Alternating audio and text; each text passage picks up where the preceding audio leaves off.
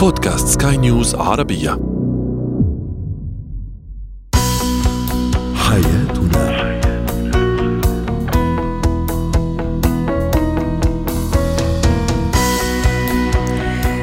الكرام أهلا بكم معنا إلى حياتنا فضاؤكم اليومي الذي يعنى بشؤون الأسرة وباقي الشؤون الحياتية الأخرى والذي يمكنكم الاستماع إليه عبر منصة سكاي نيوز عربيه dot com slash بودكاست وباقي منصات سكاي نيوز العربيه الأخرى. شاركونا عبر رقم الواتساب 00971 561 88 6223 معي أنا آمال شابة اليوم نتحدث عن كيفية المحافظة على الشغف في العلاقات الأسرية. أيضا متى وكيف يبدأ الطفل في تقليد الحركات وكيف ندعم هذا التطور الحركي والإدراكي أيضا. وأخيرا ما هي أفضل الطرق للتخلص من الماضي والذكريات الأليمة؟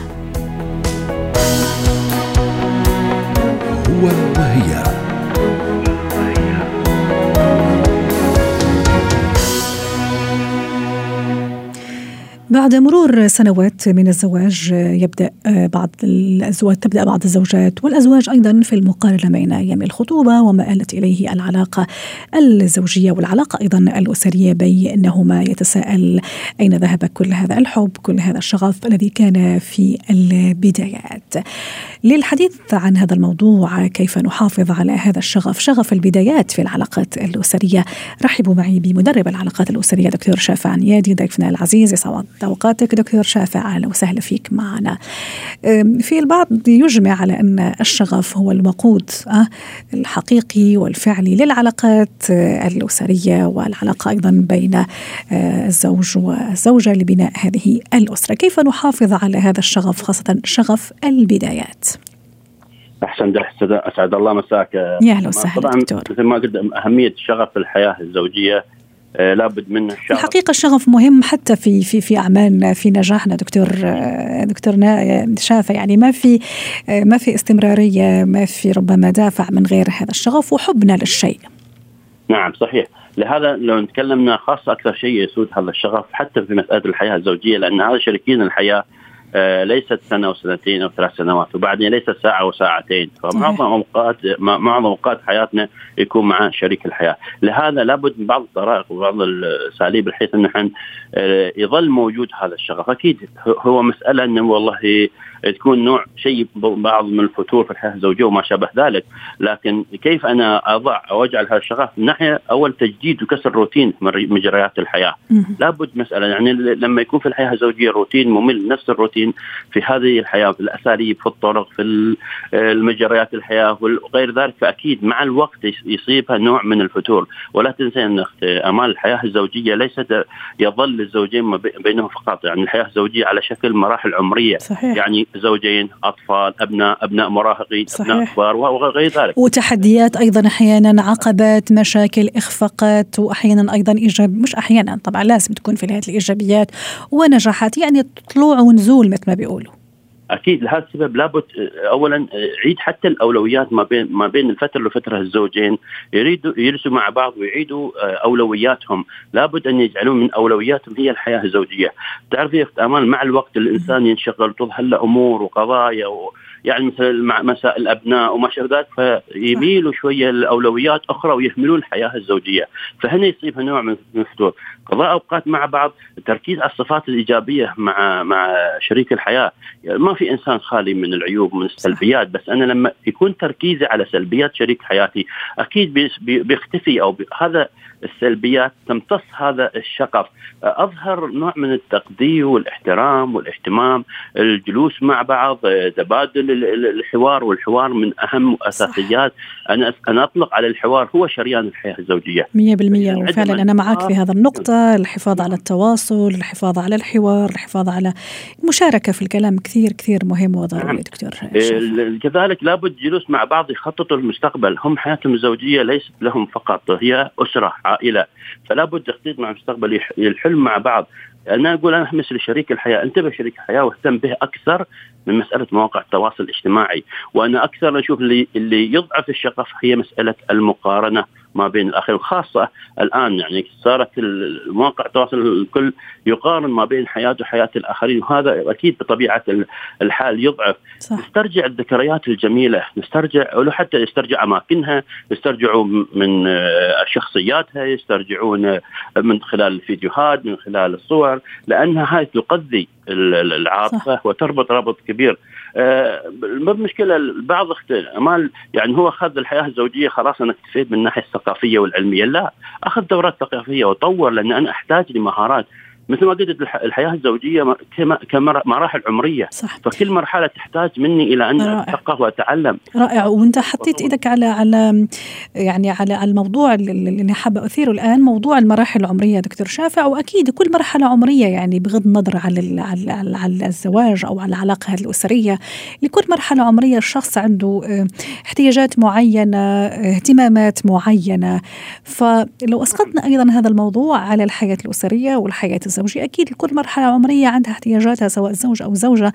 ف لما أنا أكون منتبهة لهذا النقطة إلى أي درجة مهم وفعلا أنه هذا يجدد هذا الشغف ويجدد هذا العلاقة وبالتالي لا نروح للملل ولا نروح أيضا للحياة الرتيبة بين قوسين. وكذلك مثل نحن نقول لحظه الإنسان مرحلة طفولة مراهقه كذا وكل مرحلة يحتاج لشيء. كذلك الحياة الزوجية. صح. نقطة أخرى هذه حياه شريك الحياة. شريك الحياة أعيش معاه زمن سنين وساعات. فيحتاج مني نوع من الثقافه والتجاهل عن بعض الهفوات أنا لا أريد الزوج المراقب والمتصيد أو الزوجة المراقبة والمتصيد الأخطاء. لأن أكيد بيصير نوع من التعب والإرهاق مع هذه الأمور. أتجنب ما بعض الأشياء السلوكيات السلبية اللي تزعج شريك الحياة. آه اذا إذا كان في سلوك سلبي أحاول أتخلص منه. آه مسألة الرتابة والملل وادمج هذا أو أتخلص منها من ناحية النشاطات. الترفيه. ممكن حتى إشراك الأطفال دكتور شافع. أكيد, أكيد. كثير بيزيد يعني لهذا الحياة الأسرية. ممكن آه خلينا نقول يعني حيوية إيجابية خاصة لما الأولاد يعني يبتدوا يكبروا ويصيروا شباب ومراهقين. أيضا إشراكهم جميل جدا أنه يضفي إيجابية وحيوية على هذا الحياة وبالتالي يطرد هذا الملل وهذا الرتابه وبالعكس الشغف رح يزيد في هذا الأسرة. بعدين لا, لا ينتظر شريك الحياة كل من آخر ينتظر هو. لابد من مسألة المبادرة ما بين شريكها. البعض يقول أنا أريد لا أنتظر هي المفروض تبادر. لا أنتظر هو اللي يبادر.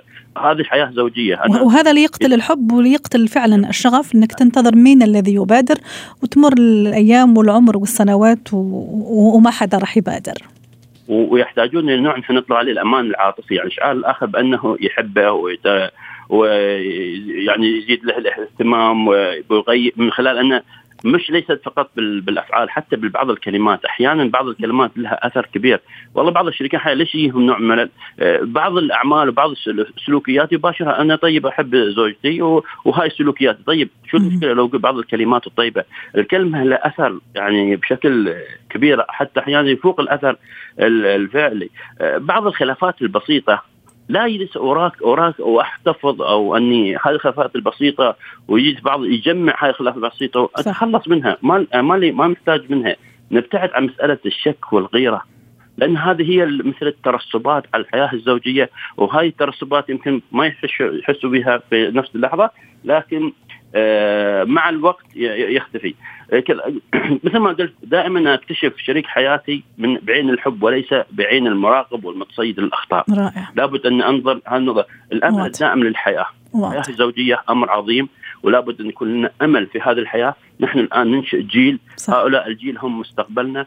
الجيل إذا لن يأتي بمسألة هذا الروتين والممل والفتور في حياته. لا هذا نتأكد أن مثل الزوجين. سلوكياتكم وفتوركم هذا ترى ينعكس على الأبناء. صح. أما لما يكون في الحياة الزوجية نوع من الشغف والألفة والود والحب ينعكس إلى أبناء أصحاء أبناء يسودهم الذكاء الاجتماعي. صح. وتسودهم أيضا تكون الصحة النفسية تكون كثير مستقرة وهذا كثير مهم يعني يوازي في أهمية الصحة النفسية للأطفال وحتى للأسرة بشكل عام تماما كما هي الصحة يعني الجسدية والصحة العضوية. شكرا لك دكتور شفا نيادي سعدتنا اليوم بهذه المشاركة ضيفنا العزيز من أبو ظبي وأتمنى لك يوم سعيد. زينة الحياة.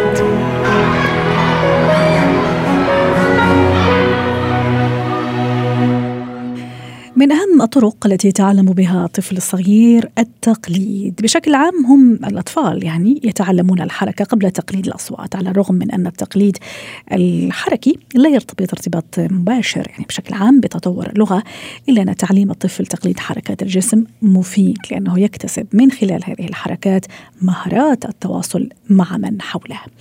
نتحدث اليوم عن تقليد الطفل للحركات. متى يبدأ الطفل تقليد الحركات؟ كيف أساعده على ذلك؟ وماذا يعني هذا؟ أيضا. رحبوا معي بالخبيرة التربوية ميرنا عسران ضيفتنا العزيزة من بيروت. يسعد أوقاتك أستاذة ميرنا. متى يبدأ الطفل في تقليد الحركات؟ هلا بالأول كنا نفكر انه الولد بالأسابيع الأولى من الولاده وبالأشهر الأولى لما بتبتسمي له برجالك الابتسامة أو لما تمد لسانك وهو يرجع يمد لسانه بعد فترة صغيرة أنه هو عم بيقلدنا. بس الدراسات بعد فترة بينت إنه لا الولد بهذا العمر الكثير صغير ما بيكون عم بيقلد بنية التقليد ما عنده النية عم, تحكي على أي عمر حضرتك استاذة ميرنا؟ عم نحكي الأسابيع الأولى بعد مم. الولادة للأشهر الأولى يعني عم نحكي لشهر ثلاثة أربعة بيكون أوكي. الولد هون ما عنده النية إنه يقلدك أو يقلد الحركة أو أو ال reaction تبع وجهك هو اللي بيكون عم يعمل ردة فعل لا إرادية إرادية. على تعبير الوجه. يعني إذا كنت عم عم بتفرجي وجه مبتسم لا اراديا بده يبتسم. إذا كنت عم تفرجي وجه, زعلان الولد لا اراديا بده يفرجيك وجه عم بيعبط أو بيبكي. بيكون خاف من هذا الوجه الزعلان. فبيكون هذا reflex لا ارادي بدون نية أو بدون هدف التقليد. أما لما نبلش نحكي عن أنت بيتعلم الولد التقليد عم نحكي بمرحلة بين الست سبعة أشهر لتقريبا التسعة أشهر. وأكيد هذا الشيء بيختلف من ولد لولد حسب نمو الدماغ وظائف تطور الدماغ والتطور الحركي الجسدي عند كل ولد. وطبعا قد إيه هذا الولد موجود ببيئة آه، محاطة بأشخاص بيساعدوه على التفاعل. رائع. لأنه على قد ما بتتفاعلي مع الولد على قد ما هو كمان آه، بيتطور وبتتطور مهاراته الجسدية وكمان التقليد واللغوية. والإدراكية أيضا استاذه ميرنا يعني كثير. الإدراكية إيه أكيد وبتجي مع نمو الدماغ هذا أكثر. ممتاز. طب استاذه ميرنا كيف أنا أخليه فعلا يتفاعل؟ زي ما تفضلتي حضرتك ابتداء من هذا المرحلة العمرية اللي عم تحكي عنها مش البدايات لا لما هو فعلا يعني يكون تقليده أو هذه الحركات محاكاة اللي أنا للشيء أنا عم أعمله. كيف ممكن أساعده؟ كيف ممكن أطور أيضا من هذا ال ال يعني الناحية الإدراكية لعند طفلي؟ قبل ما نيجي أيضا نحكي على أطفال في مرحلة الطفولة المبكرة اللي هي سنتين ثلاث سنوات أيضا مستوى وطريقة التقليد عندهم تكون يعني آه بلغت مستوى كبير. حي ممكن حتى يفاجئونا ممكن شافوا حركة معينة. حنا بالنسبة لنا نسيها الولد لكن بعد فترة يرجع يقلد لي إياها. ممكن عمته خاله يعني حدا من افراد العائلة ممكن في التلفزيون مشهد شافه فكيف أنا ممكن أساعده؟ طبعا ايجابا وليس سلبا. هلأ إذا بدنا نحكي بالطفل بالأشهر كيف نقدر نساعده؟ أول شيء ببلش التقليد لما الولد يبلش يتعرف على جسده جسد كامل وعلى كل جزء كل جزء من جسمه. يعني هذا نقدر نساعده نحن آه، أثناء الاستحمام. بالاسفنجه فينا نحن وعم نحمم الولد نمرق نستنجي على كل جزء من أجزاء جسد الولد لحتى ياخذ بعين الاعتبار كل جزء لحاله. ما يفكر أنه جسمه كتلة آه، موحدة وحيدة لا. في جزء وكل جزء له دور. يعني مع العمر بيصير بيكتشف الولد بطريقة إذا بدك السبب والنتيجة بيقدر يكتشف إنه هيدي الايد بتساعدني إني أمسك. هيدي الاجر جزء من جسمي بيساعدني مثلا إني ادعس بالأرض. بيصير بعدين بيستعملهم مع بعضهم. الايد والإجر لحتى آه، يدفع نفسه لفوق. آه، بيقدر يهدي راسه أكثر. بيصير بيتعلم وبيعرف إنه كل جزء من أجزاء جسمه له آه له سبب له objective له هدف وبيقدر يستعمله. هون ببلش يتعلم بيكون عنده صار ال capability أنه يستعملهم لحتى يقلب. هلأ نحن بنبلش نعمل له بنلوح بإيدنا تنقول له باي بنلوح بإيدنا تنقول له hi. ببلش الولد ينتبه أنه بحركة اليد فينا نقول يا hi يا bye. هون ببلش هو يستعملها بهيدا الهدف. هون نبلش نحكي عن التقليد. آه لما أثناء الأكل بتكون عم تقولي له للطفل قام وافتح تمك. صح. إنه أنت تكون عم تفتح دنيك بيكون هو عم يفتح تمه كمان لحتى آه ياكل. وهون ببلش شوي شوي كمان عم نحكي إنه عم بيقلد الشخص اللي اللي مقابله. هلأ بالأعمار اللي أكبر لما ببلش الولد فعلا يستعمل كل أجزاء جسمه ببلش يمشي نبلش يزقف الولد. بنبلش هون ندخل الأغاني. ونبلش نعمل اكسرسايز بالأغاني. يعني بنبلش نصفق بنبلش ندل على أعضاء أو أجزاء الجسد وبنسميهم لأنه هون بنكون عم نطور مهارتين. المهارة الحركية والمهارة اللغوية. اللغوية صح. لأنه بيساعدوا بعضهم على التقليد. آه بنكون عم نلعب لعبة نصير بنعرف نصير بنعرف الولد على أجزاء جسم مثل ما كنت عم بقول وبندل عليهم. آه فينا كمان نلعب لعبة ثانية بس ميوزك بدون كلمات أنه الولد يقلد رقصة معينة. يقلد حركة معينة. آه مثلا وقت بيسمع هذا الإيقاع لازم ينط. لما بيسمع هذا الإيقاع لازم يقعد بالأرض. لما بيسمع هذا الإيقاع لازم يزقف باليدين. لما يسمع هذا الإيقاع لازم بالإجرتين. بنصير شوي شوي بندخل آه، هدول ال exercise بياخذ بعين الاعتبار الولد التقليد بيقلد الشخص اللي مقابله. وبالعمر الأكبر بعد بنصير فينا نحكي بالتقليد من خلال كمان ال costumes يعني هون صرنا عم نلعب آه، شخصيات ممكن تقمص شخصيات دكتور مهندس صحيح. صح. هذا هذا هذه مهمة أستاذة ميرنا بتشوفيها يعني من ناحية تربوية هل فعلا تنمي يعني الأشياء الإدراكية الحسية اللغوية لدى عند الطفل وحتى الخيال أيضا من خلال التقليد الحركات حتى نختم مع حضرتك. صح صح. هذه المهارة كثير مهمة لأنه أول شيء بيساعدوا على التفاعل الاجتماعي للولد ثانيا بيساعده إنه يعبر عن حاجاته وعن شعوره من خلال التقليد. وثالث شيء كمان كنت عم بقول إنه بيعلمهم على مهارات جديدة حركية جسدية ولغوية. فايه هيدي المهارة كثير مهمة والأهالي هن كثير بيساعدوا أو المحيط تبعه للولد بيساعدوا على إنه يطورهم على إنه يكرر الحركات ويعلمهم ببطء وأهم شيء ما نخلط كثير حركات ونعملهم كثير معقدين بالفترة الأولى. حتى يستوعب حتى يستوعب الطفل حسب المرحلة العمرية. شكرا لك سدامير نعسران أسعدتينا اليوم بهذه المشاركة وبهذه الإضافات. كنت معنا من بيروت. مهارات حياه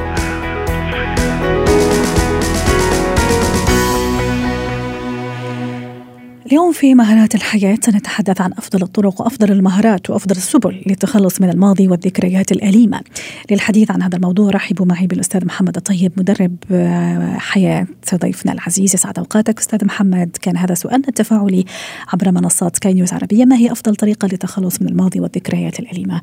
تعليقات ومشاركات عديدة وصلتنا في الحقيقة على منصاتنا المختلفة. صالح يقول هجر من تسبب لك الألم وتتخلص منه ويصبح ماضي ومنسي.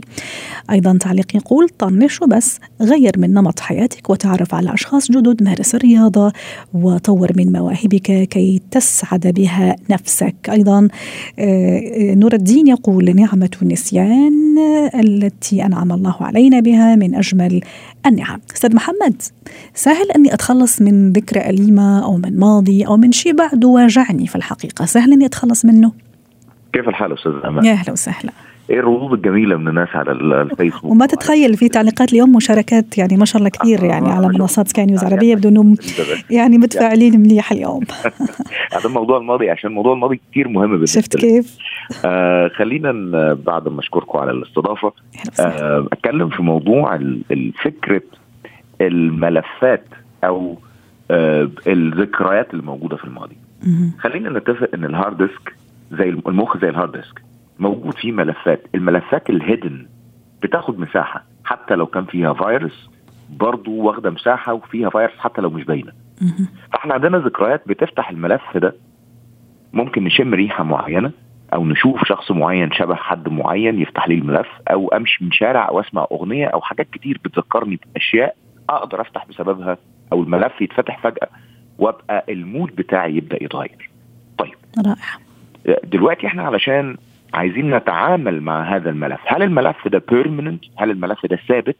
ولا الملف آه نقدر نشيله؟ الذكريات والمواقف اللي حصلت قبل كده لو ما اتشالتش مع النسيان وده من عند ربنا سبحانه وتعالى طبعا في طرق أخرى آه، اتعلمناها ولكن خلينا نتكلم بشكل بشكل منظور مفهوم يعني. إن النهارده إن المواقف مش هتتشال هو إحساسنا للموقف هو اللي هيتشال. زي ما بيقولوا الوجع ممكن يروح ولكن العلامة موجودة. بس أنا منظوري للعلامة دي هو اللي هيتغير. أنا عايز أتكلم كلام منطقي صراحة آه لأن أنا مش عايز أتكلم في أقول للناس إن أعمل الاسترخاء الفلاني أو أعمل التكنيك الفلاني وده هيبقى صعب على التليفون. لكن خلينا نغير مفهوم. هل الماضي هو شيء حقيقي ولا منظور؟ paradigm اتعلمناها من من الناس اللي علمونا ال life coaching إن مش حقيقي وبالدليل إن ما نقدرش إن إحنا نجيب الماضي ودلوقتي نمسكه في إيدينا ونتعامل معاه. لكن هو منظور معين إحنا نظرتنا للماضي شيء لأنه هو شيء غير حقيقي. فكانوا دايما يعلمونا إن إن إحنا نعتقد إننا بس كيف مش حقيقي أستاذ محمد؟ وهو فعلا يعني كانت وقائع صارت و... وألمتنا وجرحتنا وخلت ندوب يعني أي نعم راح لكن يعني هالاثر موجود يعني كيف إنه مش موجود؟ كيف مش حقيقي؟ آه لا الماضي أنا بتكلم عن الماضي. م. أما الموقف هجيله. بس أوكي. لو ما عرفناش الماضي هو إيه الموقف بعد كده مش عارف أتعامل معاه. لأن الماضي طيب. هو الوعاء نفسه. فكلنا بنعتقد إن إحنا بنشوف الماضي كما هو. أما الحقيقة أننا نرى الماضي كما نريد نحن. أو إحساسنا بيقول. طيب. ده ده ده مفهومنا للماضي. مفهومنا للمشاعر اللي بتيجي اللي هي المشاعر السيئة والألام اللي بتحصل. المشاعر دي أصلا إحنا غيرنا اسمها ال action signal هو شيء بي أو أو إشارة لحركة معينة وإحنا نقدر نغير ده. نقدر نغير المشاعر مش الموقف الموقف خلاص حصل. طيب. رائع. تعلمنا برضو إن المصدر الأساسي للتعليم أو المصدر الأول للتعليم هو الخطأ. وهنا بقى نتكلم عن الموقف. بعد ما اتكلمنا عن فكرة الماضي واتكلمنا عن فكرة المشاعر أو معنى المشاعر نتكلم عن الموقف نفسه. الموقف اللي حصل أنا مش هقدر أغيره لأن خلاص هو انتهى. هو حدث أنا لا وحصل آه أنا لا أمتلك غير اللحظة اللي أنا عايش فيها. الماضي والمستقبل شيء فيرتشوال في شيء ماهوش حقيقي إحنا آه بنشتغل عليه ولكن نمتلك هذه اللحظة. طيب يبقى أنا عشان أشتغل على فكرة إن موقف حصل ووجعني ما خلينا نتكلم لأن ده لازم تغيير قناعة تغيير مفهوم الموقف نفسه. أنا يبقى غلط حقيقي لو سمحت له إنه يتكرر تاني. طب الموقف حصل؟ يبقى عليا أفهم إن الموقف ده حصل لسبب. السبب هو إن أنا أتعلم منه مش السبب ان أتوجع منه. ولو حتى ك... حتى إذا كان الوجع كبير يعني. آه. بس الرسالة إنه في في في في, في درس رح نتعلمه من هذا الوجع. it's message وتعالي حضرتك شوفي كده مثلا في الأديان كلها لما بيحكي يحكي في القرآن بيحكي عن تحديات حصلت في في في, في مراحل معينة في الزمان علشان نتعلم منها. وبالتالي المواقف اللي بتحصل لنا في الماضي هو شيء نتعلم منه. خلينا نطلع منه بأفضل نتيجة. إيه اللي المفروض لو موقف حصل وأحزنني؟ تمام خلينا نقول وافرحني يعني بلاش نتكلم عن الحزن بس أي موقف هيحصل لنا حصل لنا في الماضي. محتاج أعرف ثلاث حاجات وهنركز أكتر على موضوع الموقف الحزين. نتعلم منه ثلاث حاجات أساسية. رقم واحد إيه اللي تسبب أو مين تسبب في هذا الموقف؟ عشان ما يكونش اكرره تاني أو أنا أكون السبب في ما اكررهوش تاني. رائع. قصدك أنا غيري ظروف معينة؟ regardless لأن هو في الأول وفي الآخر الإحساس أو الشعور اللي هيجي لي it's ذنب. جميل. إحساس بالذنب. إحساس بالذنب إن حد إن أنا عملت كده أو إحساس بالذنب ان سمحت سمحت لحد إنه يعمل معايا كده. وده الدرس الأولاني. إيه السبب في ده عشان ما اكرروش تاني؟ الحاجة الثانية الدرس الثاني مين اللي وقف معايا في الموقف ده؟ علشان أنا قادر إن أنا أميز الأشخاص وأعرف إزاي إن أنا كمان أرد له الشيء ده بعد كده. الحاجة الثالثه اللي أنا بتعلمها من المواقف السيئة وبعدين أقدر اغيرها الايجابيه لأن ده ده الحاجة الوحيده اللي في ايدي على فكره هو تغييرها الايجابي لكن مش مسحها رائع. طيب يبقى النهارده لو اتكلمنا السؤال الثالث مين اللي تخلى عننا في الموقف ده؟ يبقى ثلاث حاجات مين السبب مين اللي وقف معانا ومين اللي تخلى عننا؟ لو إحنا خدنا الكونسبت بتاع إن الماضي هو شيء مش حقيقي هو منظور وإن المشاعر هي action signal حاجة بتدلنا بتدلنا إن إحنا ناخد اكشن معين وهو إن إحنا نتعلم. نتعلم إزاي أساسا هم الثلاث أسئلة دول اللي إحنا لو خرجنا منهم من أي حاجة من الماضي آه نقدر نطلع منه بشيء إيجابي يفيدنا في الحاضر وفي المستقبل. وما نرجع نكرر نفس الخطأ أيضا. ما هو ده بقى هو هنا ساعتها هيبقى خطأ. ممتاز. لكن أصلا الخطأ أول مرة أو الفشل أول مرة وأنا اتعلمت. صح. ما فشلتش. الفشل هو إن أنا أبطل أحاول أو اكرر الخطأ تاني. رائع. شكرا لك سيد محمد. طيب سعدتنا اليوم ونورتنا بهذه المشاركة ضيفنا العزيز من دبي مدرب الحياة. حياتنا.